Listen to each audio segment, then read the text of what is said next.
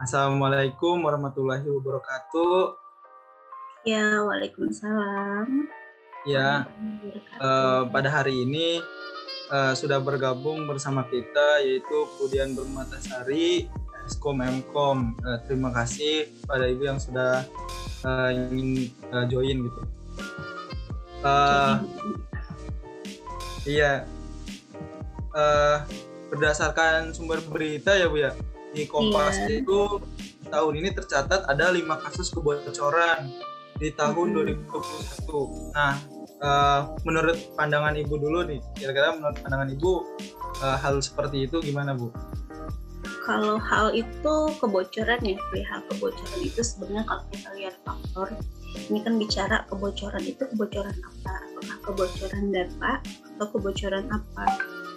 Kalau kebocoran kan ini kan berkaitan pasti dengan informasi ya kalau di apa terkait dengan teknologi ya gitu. jadi kalau di dalam teknologi ini yang terkait informasi adalah yang bukan sebuah data nah kalau apa dilihat dari prospek ya dari kebocoran data jadi sekarang itu kan semakin tinggi bagaimana pemanfaatan dari teknologi ya untuk uh, apa penggunaan sebuah data salah satunya mungkin apa teknologi yang sekarang itu kan eh, teman-teman uh, sudah belajar mungkin uh, terkait penampungan sebuah data bagaimana data itu uh, menjadi suatu informasi yang sangat-sangat penting gitu bagi organisasi maupun perusahaan.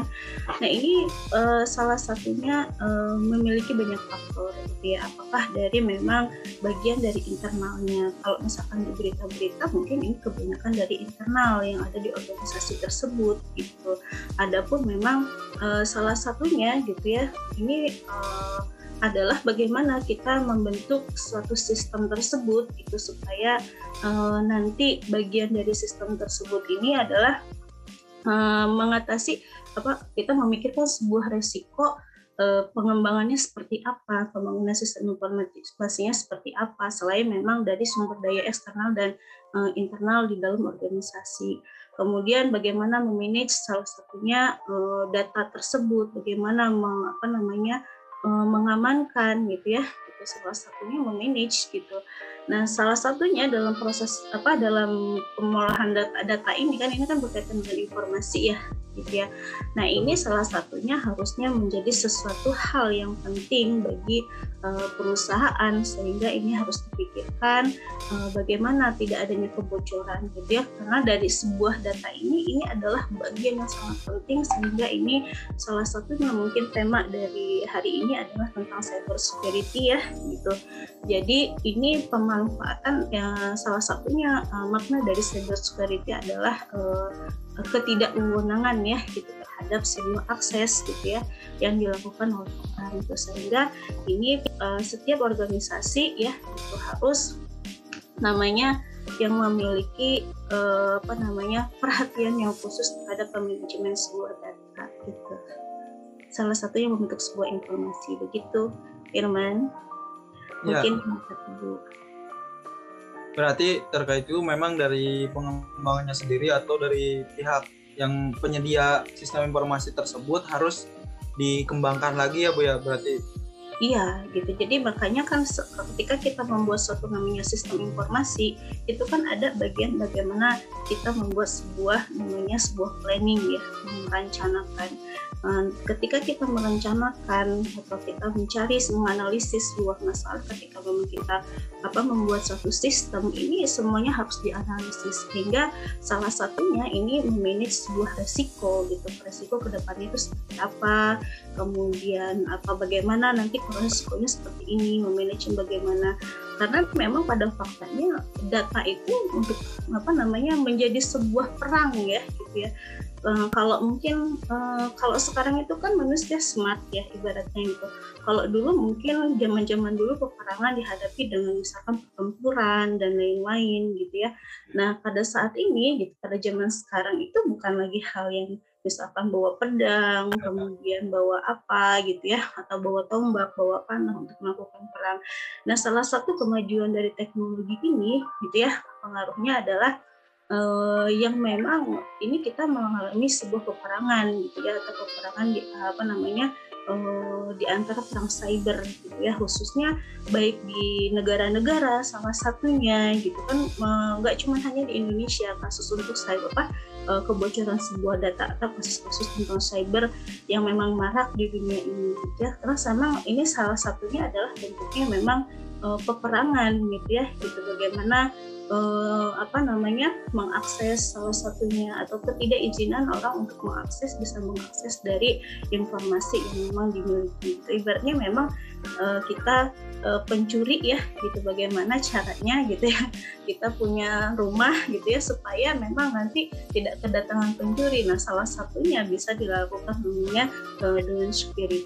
Nah itu uh, kalau kita punya rumah ibaratnya gitu gimana pencuri nggak bisa masuk ke rumah kita berarti kita harus memikirkan hal dari manajemennya. Sehingga jadi cyber uh, cyber ini gitu ya karena kita menghadapi peperangan setiap organisasi ini memasukkan ke cyber apa cyber apa cyber ini ke dalam pengelolaannya. Bagaimana staffnya bagaimana pengelolaan bisnisnya. Nah ini masuk ke dalam pengelolaan bisnis di dalam apa namanya uh, teknologi ya gitu di dalam perusahaan seperti itu Firman. Ya, tadi uh, sudah dibahas mengenai cyber security itu artinya uh, yang menjaga suatu uh, informasi di dalam hmm. sistem informasi seperti itu kurang lebihnya ya.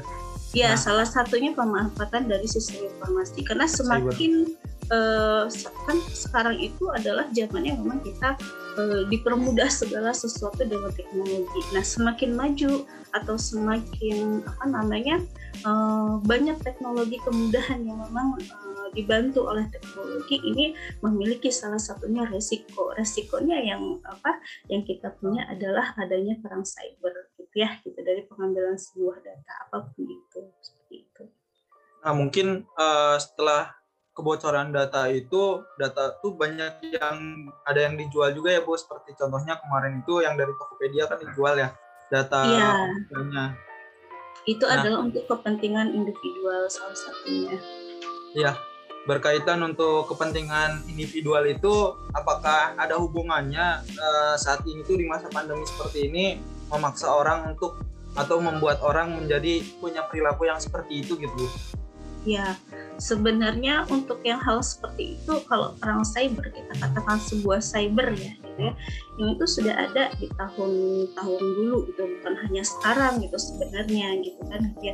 Jadi tidak hanya di masa pandemik gitu ya, gitu. Cuman mungkin dengan adanya pandemi ini mengakibatkan orang harus namanya WFH menggunakan salah satu keterhubungan itu e, menggunakan namanya sebuah teknologi gitu Nah, tetapi pada faktanya sebenarnya penyerangan atau uh, namanya akses di dunia media apa di dunia maya ini gitu ya, ya salah satunya uh, cyber ini terjadi sebenarnya sebelum gitu ya, atau uh, di tahun 1990-an gitu. Jadi memang uh, sudah ada perang ini cuman untuk masyarakat mungkin marak-maraknya gitu ya di masa pandemi ini gitu apalagi dengan kondisi pandemi yang saat ini itu uh, apa namanya sekarang itu kan orang kalau jempol itu lebih gampang ya dibandingkan misalkan karena kan merasa nah cyber ini kan menutupi dari aktivitas dari apa namanya uh, orangnya gitu ya sehingga melakukan lebih banyak apa pun yang mereka mau. Nah kebebasan inilah yang akhirnya uh, dari COVID ini menjadi sebuah peluang bagi eh, orang-orang uh, yang memang tadi yang melakukan apa namanya hak tidak apa tidak tidak memilih hak untuk mengakses sesuatu seperti itu. Nah salah satunya memang tadi ada beberapa faktor gitu ya. E, faktornya ada yang memang dia memang sekedar hobi, ada memang dia memang e, memang itu adalah kebutuhan gitu ya sebenarnya. Jadi kebutuhan itu kan banyak ya terkait e, kebutuhan ekonomi gitu ya. E, kalau udah urusan perut itu susah gitu. Tapi pada faktanya memang kebocoran ini kalau yang dilihat adalah bagian dari internal ya internal di dalam uh, apa namanya organisasi tersebut sehingga data-data itu tersebut dijual nah itu disebarkan oleh eh, orang-orang uh, yang tidak memiliki hak gitu ya untuk mengakses gitu data-data tersebut. Itu firman. Mungkin lebih seperti itu. Ya uh, terima kasih Bu. Tadi udah kita bahas uh, fungsinya dan pengertiannya secara umum uh, seputar cyber uh, dan juga pencurian data ke uh, satu perusahaan misalnya tadi itu tadi itu contohnya ke Tokopedia dan hubungannya perilaku tersebut uh, di masa pandemi 19 ini.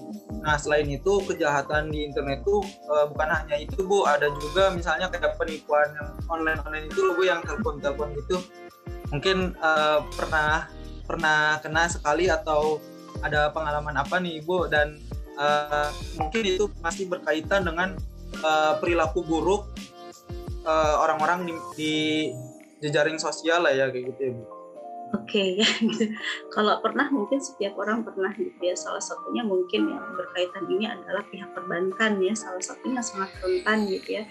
Uh, ibu sih apa namanya ya terkait dengan uang gitu ya semua itu kan terkait dengan uang tapi yang sering memang uh, ini adalah perbankan salah satunya adalah uh, kita memang benar-benar paham gitu ya dari apa kasus yang kita jalani ini seperti apa. Jadi uh, semakin kecanggihan teknologi semakin memudahkan salah satunya kan ini teknologi adalah bentuk bagaimana uh, memudahkan manusia sehingga kadang kita sebagai manusia karena kita ini terlena kadang gitu karena saking ketergantungan kita kebutuhan kita yang dibantu oleh teknologi. Nah ini sehingga membuat kita kurang waspada salah satunya. Nah ini harus memahami terlebih dahulu gitu ya kita mau ini kan sistemnya kita mencet jari gitu ya handphone dan semua orang apa namanya tidak ada yang tidak memiliki handphone gitu ya apalagi Android ya apa media sosial pun sama gitu ya itu ada apa uh, setiap orang pasti punya itu gitu ya Nah, saya rasa mungkin salah satunya waspada gitu ya. Jadi kita bagaimana uh, apa mewaspadai dan kita tahu apa yang sedang kita kerjakan selama ini gitu ya gitu. Jadi harus memang uh, smart-smartnya kita uh, bagaimana kita bisa menggunakan teknologi gitu ya. Jadi jangan kadang kan kalau Indonesia itu salah satunya ya kan kadang bentuk yang seperti itu mereka butuh namanya konfirmasi terlebih dahulu gitu ya. Gitu. Nah itu adalah bagian yang memang harus menjadi uh, hal yang apa dipikirkan gitu. Ini bentuknya seperti apa? Apakah memang uh, ini lembaga tersebut yang mengadakan atau bukan? Salah satunya seperti itu biasanya sih butuh namanya konfirmasi dari dari kitanya gitu ya baik itu melalui telepon gitu ya secara halus gitu ya kadang-kadang apalagi ya pihak apa namanya memang menanyakan gitu ya kadang kalau kita sudah menanyakan sebuah nama itu kan berarti oh iya dia kenal gitu ya. Nah bukan berarti menanyakan sebuah nama kemudian identitas yang paling dibutuhkan dalam mengakses ini kan adalah nama ibu kandung ya gitu. Untuk kalau ketika disebutkan nama ibu kandung semua akses nanti bisa ter apa nih terbuka semuanya. Nah ini adalah bagian yang memang uh, harus menjadi waspada harus hati-hati gitu untuk uh, boleh kita terlena dengan teknologi tapi kita harus punya kewaspadaan tersebut seperti itu firmannya. Jadi bentuk satunya adalah waspada. Memahami mem apa kita tahu diri kita sendiri kemudian kita harus uh, mengikuti uh, salah satunya perkembangan teknologi saat ini itu bagaimana uh, apa namanya kapasitas kita yang bisa kita gunakan salah satunya harus menjadi kitanya harus banyak pindah lah tentang teknologi tersebut gitu ya. Sebagai user harus menjadi smart user. Gitu ya. Artinya dalam uh, tindakan kejahatan uh, melalui jejaring sosial atau melalui handphone teknologi saat ini itu bukan hanya terjadi pada uh, suatu perusahaan misalnya Tokopedia gitu atau Shopee hmm. tapi juga uh, bisa pada siapa pun gitu penggunanya. Hmm. Nah makanya dari sini kita harus uh, seperti yang tadi sudah dijelaskan oleh ibu ya uh, dari penggunanya pun harus uh, waspada waspada dan lebih teliti lagi mungkin ya bu ya ya nah. jadi smart user ya gitu ya, jadi, salah satunya menjadi smart user karena memang bukan hanya di dunia apa di dunia apa individual saja gitu ya eh, tetapi di negara pun sama gitu. Ada namanya sistem cyber ya peperangan gitu ya. Kita juga kalau individu berarti kita uh, punya peperangan terhadap diri kita terhadap apa ya hak-hak orang orang yang tidak bisa mengakses kita gitu. Salah satunya harus menjadi smart user intinya seperti itu. Nah uh, tadi itu mungkin uh, secara umumnya dan secara lebih luasnya gitu. Nah untuk saat ini uh, kira-kira uh, peranan yang bisa kita ambil sebagai mahasiswa, terutama uh, apalagi ini jurusannya tuh PSTI gitu berkaitan hmm. dengan teknologi. Nah kira-kira menurut ibu apa yang bisa kita lakukan itu? Ya salah satunya kalau misalkan mahasiswa ya harusnya banyak berlatih dan belajar ya salah satunya. Uh, kemudian ini kan kalau kita melihat ini kan kalau mengembangkan suatu proyek gitu ya, ini kan karena mahasiswa PSTI ya gitu ya salah satunya nanti akan bergabung dengan tim proyek gitu ya itu baik proyek Nah salah satunya adalah uh, mempertajam analisa, kemudian mempelajari resiko gitu ya. Jadi uh, kalau kita mempelajari resiko itu kan membaca ibaratnya resiko itu sesuatu ketidakpastian gitu ya, membaca ibaratnya sesuatu yang memang belum terjadi. Nah itu adalah bagian yang memang harus skill yang kita miliki. Nah skill itu baru kita dapat ketika kita memang sudah punya pengalaman gitu ya mengerjakan sesuatu tersebut. Misalkan teman-teman uh, diminta untuk menjadi tim gitu ya, tim project gitu ya. Nah ini uh, apa namanya uh, dipelajari misalkan tim project penjualan teman-teman harus mengikuti penjualannya seperti apa ini bagaimana resikonya seperti apa bagaimana mewaspadainya salah satu keamanan bagaimana kita mempertahankan bagaimana kita tidak ada kebocoran data dan lain-lain bagaimana kita mengamankan misalkan apa namanya dari sisi uh, internal kita. Karena yang paling bahaya adalah kasus-kasus yang banyak kebocoran data itu dilakukan oleh orang-orang internal. Nah ini menjadi salah satu uh, apa yang harus dipikirkan gitu ya gitu. Sehingga nanti uh, yang bagaimana kita nanti uh, bisa apa berpikir dalam membangun sistem ini gitu ya atau membuat sebuah sistem. Salah satunya ini uh, mau bentuk pertahanan kita nanti ke depan seperti apa gitu ya Nah ini sehingga nanti goalnya bagaimana meminimalisir dari risiko-risiko yang ada, target dan goalnya berjalan dengan lancar gitu ya. Nah ini salah satunya gitu ya. Jadi harus uh, banyak berlatih untuk teman-teman. Mungkin uh, karena pengalaman itu tidak ada apa namanya uh, tidak bisa digantikan ya gitu walaupun memang secara uh, keilmuan mungkin kurang tapi pengalamannya banyak itu menjadi suatu skill yang sangat luar biasa. Gitu. Jadi teman-teman uh, kalau ibu berpesan tidak hanya berhenti di sini belajar, tidak hanya di kampus saja, tetapi uh, di berbagai apa misalkan di luar, di masyarakat, gitu ya, uh, di tempat-tempat yang lain. Gitu. Nah ini salah satu pembelajaran, gitu ya, bagaimana membentuk, bagaimana uh, pengalaman ini tidak ada harga apa, tidak bisa kita beli, gitu ya, itu ibaratnya seperti gitu ya mencarilah banyak pengalaman khususnya di bidang IT seperti itu ya. mungkin Firman ya mungkin uh, kita sebagai mahasiswa itu harus banyak belajar lagi dan um, pengetahuannya gitu ibu ya, diperluas bukan hanya ya. kuliahan tetapi di luar pun harus uh, mencari lebih lagi gitu artinya perlu ada tahu yang tinggi dan kemudian mungkin uh, nantinya kita bakal paham banget dan bisa menyampaikan kembali apa yang memang menjadi uh, apa yang memang menjadi sifat atau perilaku yang bisa uh, dilakukan ketika menggunakan uh, jejaring sosial gitu ya Bin. Ya, karena profesional pun masih belajar ya, gitu. Yang harus digaris garis bawahnya adalah profesional pun masih harus terus belajar. Jadi kalian yang belum profesional, maksudnya masih dalam didikan menjadi seorang profesional, ini masih terus harus belajar seperti itu. Ibu juga masih terus belajar seperti itu. Ya, Nah, yang sebelumnya itu uh, memang yang ada kasus kehilangan itu kan data diri ya Bu ya. Nah, apakah kehilangan kehilangan apa? Kehilangan data diri gitu mm -hmm. yang ada yang udah terdaftar di Tokopedia ke mana contohnya pencurian okay. data diri. Ya, nah uh, mungkin nanti ke depannya data diri itu bisa dipakai untuk hal-hal yang tidak baik atau bisa digunakan untuk uh, pemalsuan surat-surat penting atau gimana kira-kira Bu? Iya, sangat bisa, sangat memungkinkan. Jadi setiap orang itu kan pasti namanya punya identitas ya. Uh, mungkin ibu menjawabnya secara global, tidak apa menjawab bahwasannya itu hanya untuk di Tokopedia. Mau apa pun itu, gitu ya, mau sistem atau marketplace mana pun, mau penggunaan dari data mana pun, uh, ketika data identitas, gitu ya, itu dipergunakan, ini menjadi satu hal yang sangat uh, apa namanya menjadi masalah. Nah sehingga bagaimana kita bisa memprotek diri adalah menjadi sebuah smart gitu ya. Nah ini uh, penyalahan penggunaan ini bisa uh, dengan apa namanya banyak masalah gitu ya yang bisa ditimbulkan.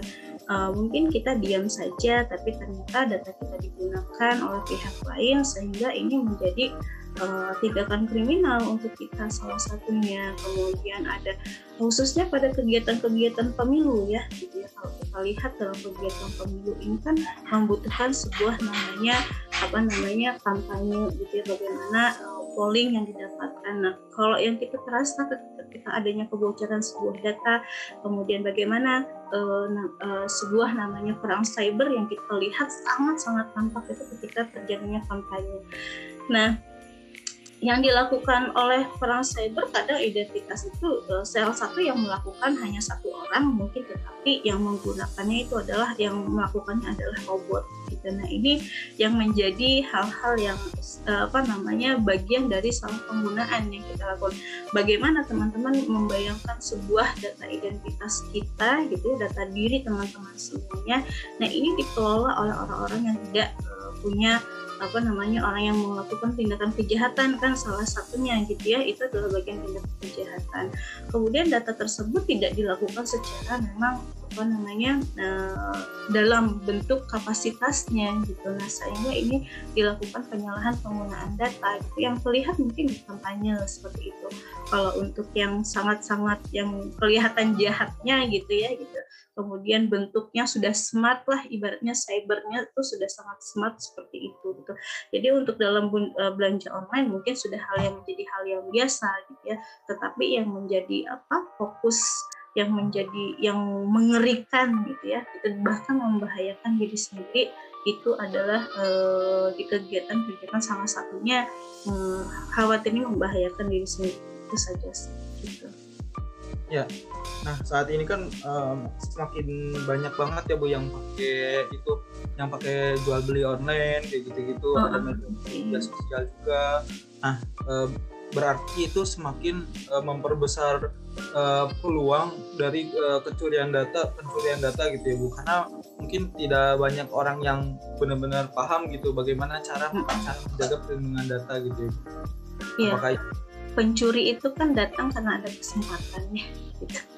Nah, kira-kira bagaimana kita bisa menjadi smart, bagaimana kita bisa menjadi waspada, bagaimana kita uh, salah satunya menjadi smart user ya, karena kita adalah karena uh, jangan sampai terlena karena kita sudah ketergantungan dengan kemudahan teknologi sehingga ini menganggap semuanya aman-aman saja gitu ya. Tapi ada bahaya gitu ya. Setiap yang kita lakukan pasti memiliki sesuatu resiko yang kita hadapi. Nah resikonya kalau kita menggunakan teknologi kita dimudahkan dengan teknologi ya salah satunya adalah dengan adanya kebocoran data seperti itu. Ya uh, mungkin ini terakhir ya bu. Uh, ya boleh boleh untuk tetap dapat menjaga data pribadi dari serangan cyber. Ya menjaga datanya itu jadi satu kuncinya. Menjadi smart user gitu ya. Sehingga kalau kita smart insya Allah kita waspada gitu. ya uh, uh, terima kasih ya bu. Uh, ya sama-sama ya sangat luar biasa ya. sekali hari ini. Terima kasih. Uh, ya. sudah meluangkan waktunya untuk uh, membagikan ilmu itu kepada kita semua uh, ya, sama ya uh, saya tutup. Assalamualaikum warahmatullahi wabarakatuh. Terima kasih. Waalaikumsalam warahmatullahi wabarakatuh. Ya, sama-sama Firman. Terima kasih. Ya.